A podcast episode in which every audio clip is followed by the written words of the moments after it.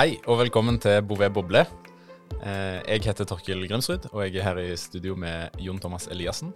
Og I dag så skal vi snakke om NDC Security, som eh, var for ikke så lenge siden.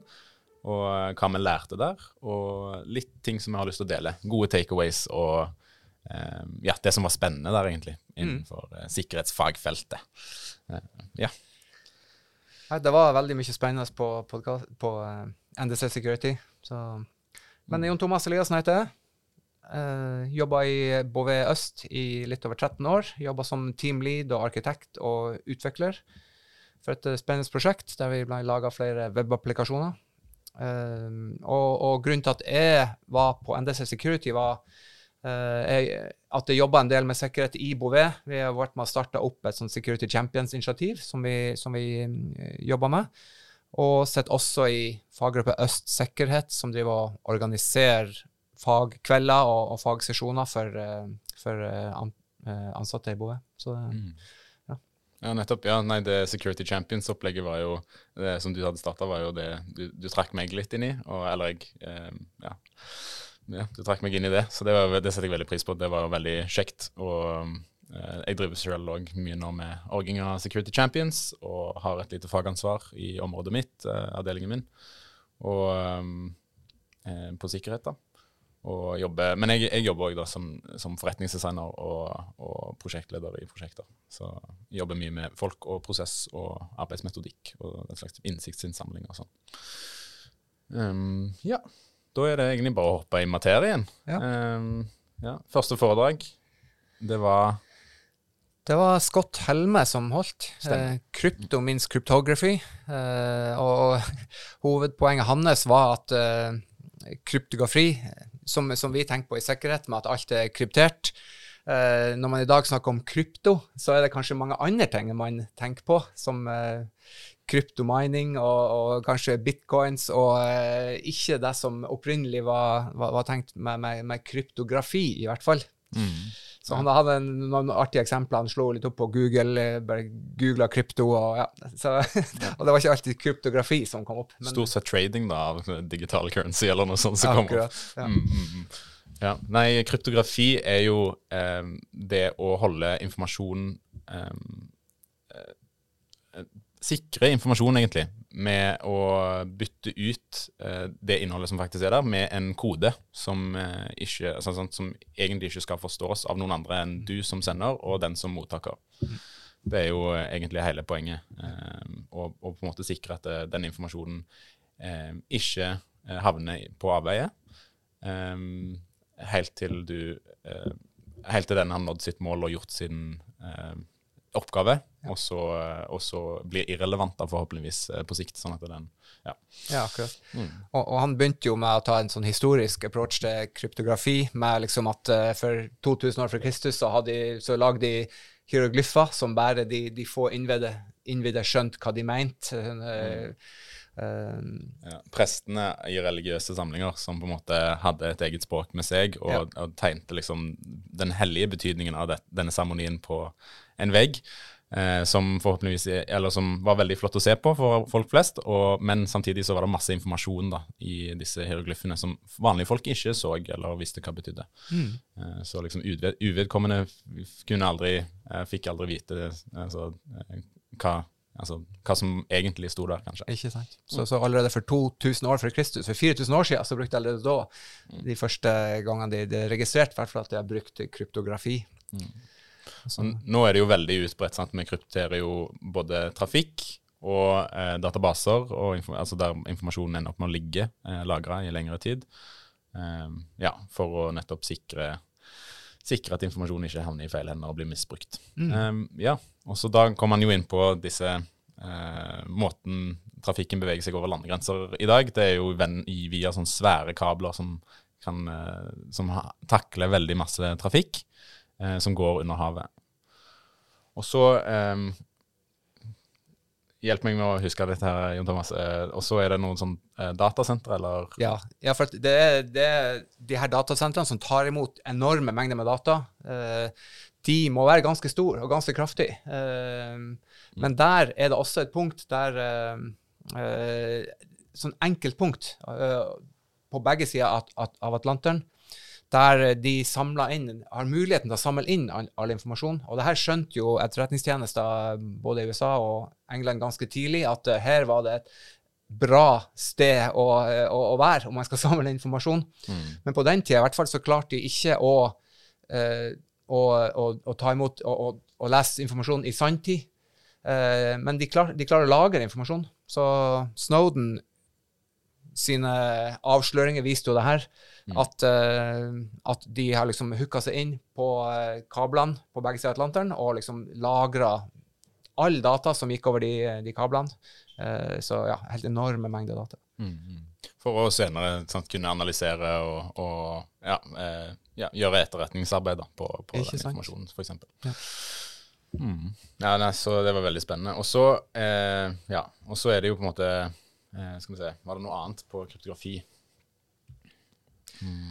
Ja, Han snakka mye om uh, Han var faktisk innom et konsept som jeg kjente kjempegodt, som han kalte forward secrecy, mm. uh, som, som nå er bygd inn i de protokollene som blir brukt for å sende informasjon. At eh, det skal også være sikkert i, i framtida at det er bygd inn i sånne TLS-protokoll. så det var også et, noe han snakka litt om. Så, mm. ja, Det sikrer på en måte Det er egentlig en litt sånn en, en, modell for nøkkelutskiftning, sånn at du på en måte, selv om de får tak i en nøkkel som fungerte før, så kan de ikke låse det opp fordi nøkkelen har endra seg. Mm. Så det, det, er en sånn uh, type modell. da.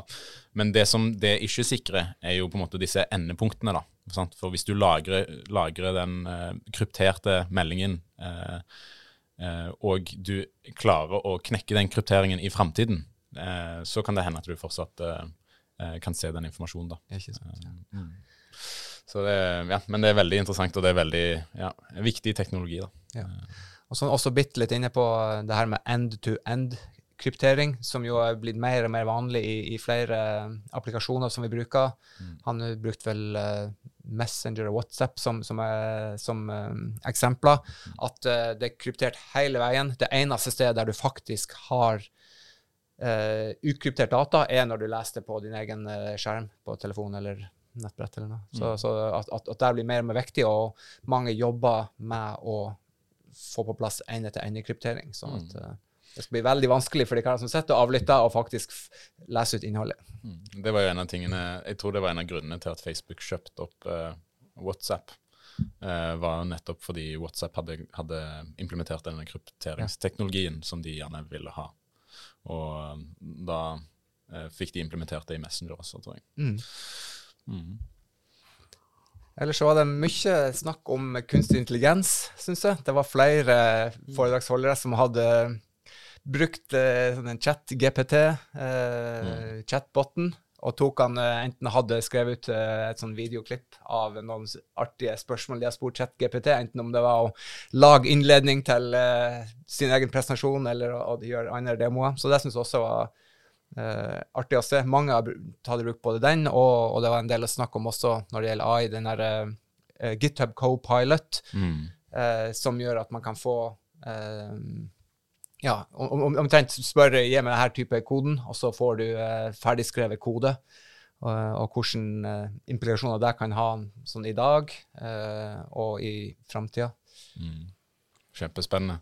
Eh, ja, og dette med sant eh, jeg, jeg, likte veldig godt. Eh, en takeaway som jeg hadde med meg fra det, det foredraget med, som spesifikt het AI og security, cybersecurity, og hvordan impacten av AI kommer til å påvirke cybersecurity-feltet eh, var jo på en måte det at eh, jo, altså, generativ AI, jo mer eh, kode som produseres, så er det jo en selvfølge at vi egentlig trenger flere folk som forstår kode. da. Absolutt. Eh, for å behandle det. Og samme gjelder sånn, sikkerhet da, inn, innenfor det. Eh, jo, mer, jo, mer, informasjon som, trengs, si, som trenger sikring, da, jo flere folk og, eller mer kompetanse trenger vi på, på nettopp å sikre informasjon. Da. Mm. Så det er veldig spennende. Og spesielt når vi på en måte gir behandlingen og behand, altså behandlingen av uh, opplysninger eller uh, lagring av opplysninger og, og, hvis vi genererer modeller for å behandle informasjon, så må vi jo på en måte passe på at uh, AI-en òg har en forståelse for sikkerhet på, på et vis. da. Absolutt. Ja. ja. Nei, hun, det foredraget du nevnte, er fra Microsoft, som heter Victoria Almasova, som hadde 'How mm. AI is Impacting Cyber Security'. Um, og, og, og hun viste jo faktisk eksempler på at uh, kunstig intelligens uh, hadde generert kode med sårbarheter. Det, det var sånn SQL injection uh, sårbarheter i, i, koden som ble generert. Så veldig, veldig spennende område, mm. og, men veldig farlig, på en måte. Samtidig, du ønsker ikke å bare ta koden blindt og legge den i produksjon. Da ender du plutselig opp med en sårbar løsning. Mm. Så, så det var også en sånn takeaway som jeg hadde fra deg, at uh, man kan ikke bare blindt kopiere kode. Uh, men man må selvfølgelig behandle kode generert av en sånn kunstig intelligens på akkurat samme måte som man behandler kode fra vanlige utviklere på seg. Det må også kodegranskes, reviewes, sikkerhetsreviewes, testes osv. Så, videre. så Mm. Så ja, jeg, jeg syns det er veldig interessant, uh, og absolutt et fint verktøy vi kan bruke liksom, i vårt daglige arbeid. Mm. Men uh, det er ikke noe, det heller er ikke noe sånn silver bullet, verken for sikkerhet eller for noe annet. Mm, mm. Ja. ja, det krever, det krever liksom fortsatt at vi jobber mye med det, uansett. Ja. Uh, selv om det sparer oss kanskje for litt tid på den initielle pro produksjons- eller genereringsoppgavene. Eh, så, ja. Så, ja. det er veldig fint som en utgangspunkt, på samme måte som uh, f.eks. Mm. sånn ChatGPT da, kan være et utgangspunkt for en fin foredrag. Mm. Så eh, ja, ikke bruk det direkte typisk. Eh, må også bearbeides og, og kvalitetssikres, og, uh, ja, og på samme måte med kode som vi, vi får da, kan, eller kan få ganske billig. Mm. Ja. Kult. Um, ja, er det noe mer på AI som uh, hadde vært interessant å snakke om, eller var det dekket med det der? Uh, uh, hun tok også opp litt statistikk, faktisk. Mm. Hun, hun, hadde blant annet ment at 44 av genererte kodesampler gjort av denne GitHub Copilot inneholdt sikkerhetssårbarheter. altså 44 Det er nesten halvparten av all kode. Så det, det, det er et høyt tall. Mm. så det syns jeg var artig at hun hadde med seg litt, uh, litt, statistikk. Uh, jeg klarer ikke å huske i farta hvor hun har fått den statistikken ifra, men, uh, men, hun, nevnte det i hvert fall. Ja, veldig kult. Det er veldig spennende. Mm. Liksom, ja, det, gir oss noen indikasjon på hva tid altså, sant, Man bruker det kanskje veldig tidlig, og så raffinerer man det selv. Ja. Sant? Mm. Uh, Istedenfor å la en raffinere og, og implementere, sikkerhet, implementere sikkerhet, da, så gjør man gjerne det selv. Uh, veldig interessant. Ja. Hun hadde også en del sånne uh, gode uh, ja, ting man må tenke på angående disse AI-modellene, for de kan vi også få tak i. Og, hva, og de modellene kan jo være sånn biased, eller hva heter det på norsk? At de er gjerne foretrekker for bilder da, at de typisk foretrekker hvite menn. Eh, lettest gjenkjenne. Og, og, akkurat samme type problemstillinger har man for eh, eh, kode som blir generert av, av sånne her type modeller. Mm. Eh, og, og, hun tok også opp en del sånne eh, problemstillinger rundt det der med at man har den modellen, eh, og, og, kanskje kan den bli stjålet, den modellen som man har brukt tid og, tid og penger på å utvikle. den kan selvfølgelig, som vi snakker om, generere usikker kode. Uh, uh, og, og, og, ja, selv, ikke, ikke, bare dataene som blir generert av modellen, var liksom hun opptatt av, men hun, hun var også opptatt av sikkerhet rundt selve modellen, da, som, som mm. selve hjernen som genererer koden til oss. Så ja, det var også veldig interessant og et problemstilling som jeg ikke har tenkt så mye på før. Ja, veldig kult. Mm. Mm. Kan jo tenke sånn, altså, sant, Hvis du type blackbox AI eller maskinlæringsalgoritmer, der du bare du putter inn et svar, og så vet du ikke hva som fungerer inni, og så kommer det noe ut. Det har på en måte lenge vært en, en greie der òg, at det, det, er veldig vanskelig å logge eller å vite hvor ting kommer fra mm. eh, i de situasjonene. Da. Og da er det veldig vanskelig det, det, kan hende at det, sant, det abstraherer bort, eller det gjør det enda vanskeligere å komplisere det å finne sårbarheter eller, eh, eller sånne ting òg. Mm. Um, ja. Og, og, skilde, og selvfølgelig kilde. Altså, kilde og opphavsrett og alt det der. Ja, ikke eh, minst. Mm. Er det her noe man vil tenke på? Kan vi bruke eh, AI-generert kode rett mm. i produksjon? Mm. Eh, er det noe ja. problemstillinger rundt det? Mm. Er denne AI-en trent på personopplysninger som de, ikke burde hatt i utgangspunktet, f.eks.? Og, og går det an å reverse engineere eh, algoritmen for å finne ut hvilke personer som har, den har trent altså, trentes på. Det er jo sånne ting som er Ja. kjempeinteressante. Ja. Noen andre foredrag som du syns var spennende, Torkil? Um, ja. Uh, jeg, jeg var Ja, jeg, jeg, jeg tror jeg bare hopper rett til en, en av de som jeg syns var mest interessante. Det var um, et foredrag av um, en eh, hva, hva, hva var det, da? Jeg husker ikke helt tittelen hans, men det var ikke så viktig, det heller. Men eh, han jobbet i hvert fall i, i Schibsted eh, med implementeringen av eh, sikkerhetsstrategien der. Og det var veldig inspirerende, egentlig, å se hvor mye de hadde fått til, og hvor mye de hadde satt i gang og holdt eh, gående eh, siden 2019, da når de begynte med dette. Så hadde de en, eh, en plan for at om, om De brukte NIST, tror jeg, et sånn rammeverk for eh, eh, for eh, klassifisering eller eh, implementering av eh, sikkerhetsnivåer, på en måte. sant? Mm. Og hvor sikkert det er Mm. eh, Ja, hvor sikkert er, det vi holder på med. Og, eh, og liksom hadde satt seg som mål da, innen 2022 å ha at minst alle eh, ha, At alle skal vi si, alle systemene de skulle minst eh, stå til nivå tre Ja. på, på NIST sine. Og det er tre av fem, da. Tre av fem nivåer. Så. Og det var veldig, veldig inspirerende å se, da. Eh, Ja, jeg var på samme foredrag sjøl. helt enig, det var et av mine favoritter også. ja. Eh, ja. Og han nevnte også eh, i innledninga at eh, de har fått ny eh, konsernsjef i 2019. Kristin Skogen Lund var kommet inn og blitt konsernsjef, og hun hadde liksom tatt grep om sikkerhet og liksom innført, eh, inkludert en sånn SISO i ledergruppa. Og fått enda mer fokus på sikkerhet. Så det, det, det tok jeg også som en veldig fin sånn takeaway, at det, sikkerhetsarbeid kan man, bør man drive på i alle nivåer i en organisasjon.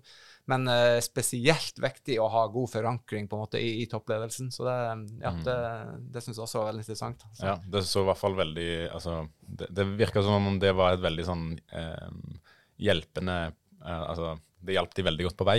Ja. Å bare få kommet i gang på en måte på det nivået. Og, og ja, det var helt eh, vanvittig hvilke Altså, de hadde jo Det var jo en han tok jo bare for seg i dette foredraget så tok han bare for seg application security-delene av, eh, altså av sikkerhetsstrategien. Og det var jo en, en vanvittig liste eh, av ting og tiltak som de hadde implementert på application security. Ja.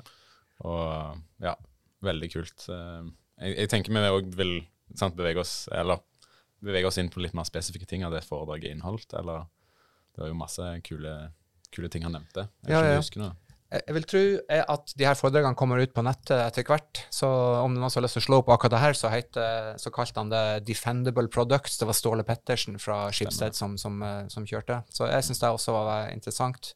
Han liksom Skipsted har jo masse aviser og, og ja, Han visste en svær foil av alt som de, eh, Holdt som de holder på med. Jeg kjenner godt til Aftenposten, blant annet. Um, men han ramsa opp eh, en del, og de hadde tatt en sånn opptelling. Det var hva det første de gjorde, liksom få oversikt over hva er det egentlig vi eier. Og de telte opp over 55 000 domener og subdomener som eh, Schibsted på en måte har eh, har- har- styrer og eier. Så, så det var liksom, det var en av de første oppgavene deres. Sånn, sånn der Schibsted.info, er det oss? Schibsted.biz, er det oss? Det var litt en del sånne der artige spørsmål som, som de selvfølgelig må ha kontroll på, men som ikke er selvfølgelig. Og helt sikkert noen i Schibsted som vet det veldig godt, men eh, ja. ja veldig, eh, veldig interessant. De måtte liksom begynne med å lage en slags sånn inventory av hva er, det, hva er det vi eier. Mm, sånn at vi kan vite hva vi skal beskytte. Sant? Ikke Altså, sant? det er første steget, det. Ja. Og eh, ja, det er veldig, ja, veldig innsiktsfullt. Sant? Eh, Ja, når du innser hvor, altså, mengden sant? Eh, De har jo masse under, underselskaper som på en måte òg de holder samme standarder til å jobbe. Altså, de har etablert et sånn sentralt sikkerhetsteam som skal hjelpe alle produktteamene og alle, eh, ja, alle de andre selskapene. Det å få kontroll på eh, på angrepsflaten din. Sant? Den eksponerte Altså hvilken informasjon har du, hvilke tjenester har du, eh, hvilke ansatte har du? Altså bare hvem, hvordan kan folk misbruke eh, det som på en måte din organisasjon har av inventar og folk og eh, alt, egentlig, eh, er jo første steget. Og så, og så kan du begynne å jobbe med eh, reinforcement og prevention og eh, alle disse andre tingene for, å, for å styrke Forsvaret. da. Mm, absolutt. Og også selvfølgelig før det vurdere hvor du bør styrke Forsvaret henne. Ja, ikke sant? Prioritering. Vanskelig oppi der. Ja, Det er så utrolig mange ting man kan ta tak i på sikkerhet. Mm, mm. Så det. Det er et enormt stort område, alt fra liksom fysisk sikkerhet inn til lokaler til å beskytte sånne webapplikasjoner, som, som jeg holder på med mye, da, men det, det er veldig mye med sikkerhet. Hvordan hjelpe alle i organisasjonen til å eh, ikke dobbeltklikk på uh, Excel-filer eller PDF-er eller uh, Excel-ark som kommer fra eksternt, som man ikke vet av, avsender på. Veldig stort område med sikkerhet, og det syns jeg er noe med det som er spennende også. Eh, at det er så, såpass stort område. Mye Mm. mye å ta tak i. Mye jobber med, jobber med folk, så det syns jeg er spennende. Ja. Absolutt. Ja. Ja. Nei, vi kunne egentlig snakket om hans uh, foredrag tror jeg, ganske lenge, og gått gjennom alle delene av det. Eh, Vi kan kanskje, kanskje bare gå litt innom noen av de tingene som kanskje er mest interessante. og Ja. så... Så um, Det ene er jo det vi har snakket bitte litt, eller nevnt litt kort, og det er dette med å bygge en sik sikkerhetskultur. Mm. Det er et av uh, prinsippene som de satte opp i begynnelsen uh, som et sånn guiding principle. Um, og det var ja, eh, steg én, bygge en sikkerhetskultur. Mm. Um, og der er jo på en måte her, Der har vi bl.a. Bouvet uh, Security Champions-opplegg. uh, som begynner å bli mer og mer eh, utbredt og eh, implementert uh, hos oss. Eh, og det er jo kjempespennende å følge den utviklingen. Veldig. Um, ja, du har gjort en strålende jobb med, med det de siste, de siste tre årene, eller noe sånt. Jo, takk. Mm. Ja, det, det, det er veldig spennende, og det tror jeg er en eh, nøkkelstein i å bygge kultur. At, at man får eh, At sikkerhet er ikke noe som eh, fem-seks personer i, i en bortgjemt avdeling sitter og jobber med, det er noe alle må ha et forhold til. Um, og vi jobber jo veldig mye med, med utvikling i de, de folkene som jeg jobber med i BOE, og, og få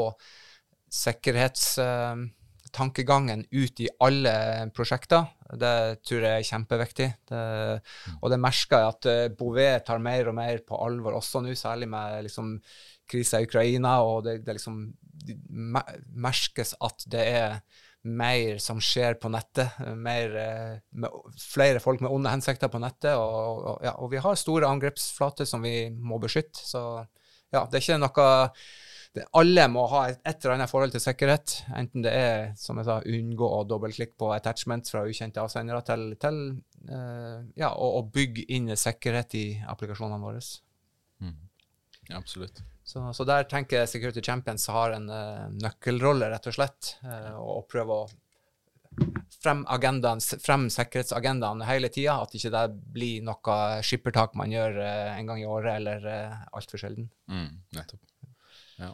Og sørge for eh, gode, gode rutiner og ja, godt Ja. fokus i teamet. og- Akkurat. Ja. Mm. Mm. Ja, nei, det er kjempeviktig. Um, og så det andre prinsippet, da, hvis vi skal bevege oss bitte litt videre. Ja. An- andre prinsippet er usability is more important than security. ja. Hva tenker du om det? Nei, det er jo nesten litt eh, kontroversielt. eh, Mhm. Kontroversielt. eh, at man, de som jobber med sikkerhet, tenker jo det må jo være det viktigste i verden. Mm. Men dersom ingen bruker det, eller forstår hvordan å bruke det, eh, så har vi et problem likevel. Så eh, ja, jeg, jeg, jeg har en tendens til å være enig med han, faktisk. At Mm. det er viktigere at man kan eh, sette i verk og ta i bruk, og folk forstår alle sikkerhetskonseptene som vi ønsker å innføre, enn at man innfører de. Eh, ja, vi er ikke flinkere enn det svakeste ledd uansett, så vi må få med alle. Mm. Ja, Veldig godt sagt. Ja, det, det er akkurat samme. Altså, jeg, jeg kjente det, det gjorde litt vondt å høre det, men eh, det, det stemmer nok. Altså, eh, ja, det å, det å legge til rette for at sikkerhet er lett å bruke, er liksom eh, vel så viktig som, eh, som eh, sikkerhet i seg sjøl. Ja, absolutt. mm. ja, det er veldig interessant og kontroversielt poeng, da. Ja. Eh, ja. Og i hvert fall å, å si, stå og si det på en sikkerhetskonferanse er jo Ja, Litt moro. mm. Yes. Um, og så er det et som bygger litt på det, da. Get high, altså um, prinsipp tre. Get high adoption through easy to use tools. Altså um, få, få uh, en høy andel, uh, andel som bruker uh, verktøyene eller bruker sikkerhetsverktøyene gjennom at det, verktøyene i seg selv er lett å bruke. da. Så det å legge opp til at det er veldig lett å ta i bruk sikkerhetsverktøy og, og sikkerhetsstøtte, eh, om det er verktøy eller om det er en avdeling som hjelper deg med sikkerhet, eller om det er eh, rutiner og prosesser som du tar i bruk. Ikke sant, ja. ja. Gjør det enkelt å ta i bruk, rett og slett. Det bør burde være defaulten at alt er sikkert. Mm. Og så må man heller ta et bevisst valg for å minske sikkerheten dersom det absolutt er nødvendig. Mm. Men, men at uh, utgangspunktet er at uh, det vi har, og det vi tar i bruk, er sikkert. Mm. Absolutt. Og det var jo et punkt, på, et, et punkt som jeg hadde med meg fra sikkerhetsfestivalen da, eh, i fjor. Eh, det var at eh, altså temaet at eh, vi har gjort det veldig lenge altfor lett å velge vekk Altså mm, å velge vekk Mm. sikkerhet har vært defaulten. Ja. At, At du, du, du, vil heller, at du vil heller ha flere brukere enn at du vil sånn, potensielt hindre brukere å registrere seg ved å sette inn ekstra sikkerhetstiltak. Da. Um, ja, som, eh, som er, er veldig bra for din business, men som kanskje ikke er så bra for brukerne som faktisk registrerer det, velger å registrere seg. Ikke sant? Og, de, ja, og der var det jo sånn eh, Forbrukere sliter jo med å forstå risikoen eh, ved å velge usikre ting. Å ta usikre valg når det kommer til IT og internett. Eh, og det, sant, det, du ser jo at det, eh, sikkerhetsfolk er jo mye oftere eh, hesitant med å ta i bruk eh, nye ting. Eh, fordi de kjenner bedre til hvilken risiko det innebærer. Da. Mm. Det er jo egentlig derfor. Ja. Ikke fordi de er konservative. Ja, nei, jeg er helt enig. Det er veldig lett å ta i bruk en ny plattform eller en ny applikasjon eller en ny webside, men uh, veldig vanskelig å få god oversikt over uh, dataene som man leg legger inn, blir de lagra på et trygt sted. Det liksom, uh, ja, så det er ja, veldig godt poeng. Og så, eh, ja, eh, siste, siste prinsipp som han hadde, det var 'provide a golden path'. Altså legge opp, legge opp en plan sant, for, eh, for noen. Eh, eller for, for, for de som skal følge sikkerhet og holde en viss standard. Le- Legg, legge opp en plan for dem som de kan følge. Eh, sånn at de ikke må finne ut av å å opp, oppfinne hjulet på nytt. Ja. Sant? Ja, spare mye kostnader der. Også selvfølgelig legge seg på en mellomting mellom sant, helt sikkert og helt usable. Altså eh, du, vil, du vil ha tilstrekkelig sikkerhet der det er behov for sikkerhet, på en måte. Mm. Eh, men man trenger ikke gå maks sikkerhet når det kanskje ikke er så mye du risikerer. da. Absolutt. Yes. Noe annet du syns var interessant på konferansen? Uh, ja, Um, skal vi se uh, Det var jo snakk om mye kul eh, eh, teknologi. Ehm, ja, jeg fikk, ikke, jeg fikk ikke egentlig så mye med meg eh, om, om de konkrete teknologiene. Det var litt synd. Men, eh, men jeg fikk eh, i hvert fall ja, viktigheten av, av, av de application security-sakene ble jo punktert veldig ofte. da. Og det, det med f.eks. Dynamisk sikkerhetstesting av applikasjoner og statisk sikkerhetstesting av applikasjoner, at du har gode prosedyrer for, for testing av sikkerheten Mm. Ja, i applikasjonene, er kjempeviktig. Ja, Jeg er enig. Ja. Ja, Jeg syns også det var mye interessant. mm. Men, det skal vi prate litt om, å bare få en innsikt i hvordan de jobber med sikkerhet andre steder. Det syns jeg var veldig, veldig OK. Ja. Og, og dette med AI igjen, at det, det blir også en sikkerhetstema mer og mer nå framover. Så ja, veldig artig. Ja. Var det en teknologi eller, eller noe som du, eller noe annet kanskje som du så på som syntes var interessant fra konferansen?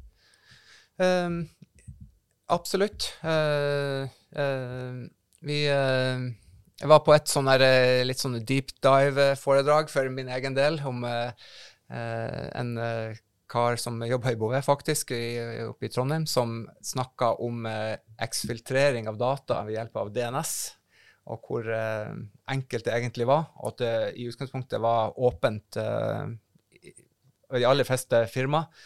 Eh, Spennende. ja, så det var veldig spennende. Det var ikke noe jeg jobber med til daglig. og det her var liksom, Jeg prøver å ta, eh, ofte når jeg er på sånne her type konferanser, ta en, en eller to eh, litt mer sånn ukomfortable foredrag for å kanskje lære noe helt nytt. Men, men det var veldig veldig bra, faktisk. Han forklarte på en veldig fin og ordentlig måte, og fikk en god forståelse både av denne teknikken og, og hvordan i hans tilfelle da, hva de har gjort for å beskytte seg. Så ja, veldig spennende. Tøft. Det var Magnus Longva, Ja, stemmer det? stemmer det. Kult. Ja, nei, det, det skal jeg absolutt se opptak av. Eh, Det kan vi sikkert lenke til òg. Mm. Ja. Um, ja.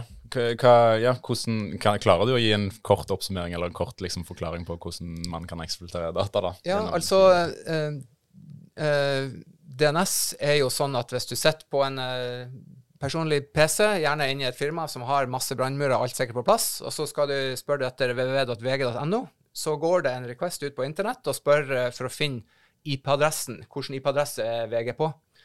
Um, og, og, og denne måten å spørre på, det DNS, du gjør et DNS-oppslag, får tilbake en IP-adresse, det er nesten ikke sperra noen sted som helst. Så det han hadde gjort konkret da, han hadde satt opp sitt eget domene som heter ondehensikter.no. Og så, eh, når han da er på innsida, så kan han da f.eks. Ja, la oss si han ønsker å få ut det hemmelige databasepassordet, som heter ABCD. Så da kan han eh, si abcd.ondehensikter.no, gjøre et forespørsel mot den eh, DNS-en. Den vil til slutt havne opp på hans server, og da kan han i loggene på serveren se abcd. Hensikter.no. Og det, det er liksom konseptet. Det er nesten ingen som blokkerer for sånn type trafikk. Vanskelig å overvåke også, for at det går hele tida. Um, og, og så gikk han da videre på det her, da, hvordan å Misbruke det. misbruke det, og hvordan han Det, det er mulig å bygge en protokoll nesten på toppen av denne sårbarheten uh, for, å, uh, for å få ut store mengder informasjon. da. For å, ja. Så, så det, var, det, var, det var interessant. Jeg har ikke så mye kunnskap om det fra før, så det syns jeg var artig. Mm. Snakket han om noe hvordan man kunne beskytte seg mot det, eller var det å ta opp eh, problematikken? Nei, absolutt. Eh, eh, I hans prosjekt så har de også eh, brukt et produkt for å stoppe alt sånn her ved hjelp av en slags sånn whitelist, rett og slett. At du, du får bare lov til å spørre mot de her type domenene. Mm. Eh, men jeg mener det var det som var, var, var løsninga hans òg. Ja, kult. Ja, jeg klarer ikke å huske hvilket verktøy han har brukt, men det, var et, et sånn ganske enkelt verktøy eh, som, som de har satt opp i, eh, i en plattform som, som de holdt på å bygge opp, da, sånn at eh, alt måtte gå gjennom Mm. det her verktøyet. Mm. Hvis dere har noen spørsmål om det verktøyet, så kan dere bare ta, sende oss en melding, og så kan vi henvende oss direkte til Magnus eh, og spørre om hva, hva det var. Mm. Men eh, ja, det høres jo ja, det høres veldig eh, rimelig ut da, å sette opp en whitelist eh. For, for akkurat det Ja. formålet. Kult. Men sånn takeaway for min egen del, veldig OK med en sånn refresher på sikkerhet. Bare få litt sånn oppsummering og få eh, ta et steg bort fra en travel hverdag og få eh, litt påfyll på sikkerhetstrenga. Eh, Mm. få den liksom eh, bekreftelse på at vi gjør mye riktig. Så ja, det var um, absolutt uh, hoved-takeaway fra meg. Eh, I tillegg til selvfølgelig, det, det er ikke noe enkel svar på sikkerhet. Det, det krever mye tid og innsats. eh, og, og, vi som jobber med sikkerhet, eh, ja, trenger også å bruke mye tid på det rett og slett for å få det sikkert og bra. Så ja, Mm. eh, veldig fint konferanse. Absolutt. Ja, generelt sett så syns jeg faglig nivå på konferansen, det var veldig høyt. Mm. Eh, det var liksom Ja, det var her i Oslo. Det var ikke sånn det, det mest crazy hotellet eller noe sånt, men det var eh, vanvittig dyktige folk, og det er så kult å se at det, det norske og det skandinaviske egentlig utviklermiljøet og, eh, og IT-miljøet er så eh, dyktige når det Mm. kommer til eh, ja, eh, ny teknologi og, og sikkerhet. Ja. Så det var veldig kjekt egentlig å få, få med seg det, og få møtt, og, ja, møtt så mange dyktige fagfolk og, og vært, vært med på det. Det er kjempekjekt, Yes. og vel verdt det. Absolutt. Og ja, det er jo eh, absolutt en veldig god ting med sånne konferanser der vi deler, eh, sant, deler oss imellom, eh, sant, alle bedrifter og alle, alle folk, da, eh, deler den fagkunnskapen som vi sitter på, de erfaringene som vi sitter på. Og de har jo kommet fram til veldig gode formater, syns jeg. Eh, ja. ja, jeg syns det var veldig, veldig bra. Mm. Mm, absolutt. Yes. Nei, tusen takk for oss. Ja, da, tusen hjertelig takk for oss. Det var veldig kjekt å få, få spille inn litt podkast. Veldig artig. Så håper vi dere eh, følger med på NDC-konferanser framover. Og ja, hvis dere er interessert, og så selvfølgelig send oss en melding hvis dere eh, på en måte Eller connect på LinkedIn eller hva enn, hvis dere er interessert i å høre mer. Mm.